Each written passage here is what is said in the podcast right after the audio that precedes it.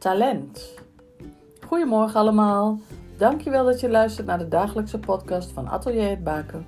Mijn naam is Tini Lebrink.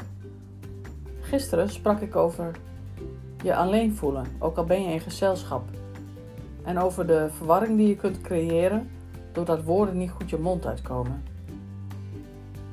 Ik eindigde met een klein gedichtje wat ik halverwege de jaren negentig eens gemaakt heb.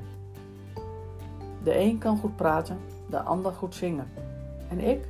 Ik kan ook praten en zingen, maar ook heel veel andere dingen.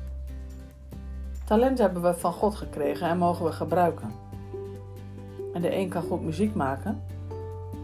En door het zingen de ander blij maken die er zo van kan genieten. En de ander kan goed discussiëren. De een kan goed verbinden, de ander goed netwerken. De een kan goed helpen en de ander kan dat weer minder goed. Het mooie is dat je met je talenten anderen kunt helpen. Welke talenten heb jij gekregen? Of heb je net iets nieuws ontdekt wat je heel erg leuk vindt, maar wat je nog moet gaan leren?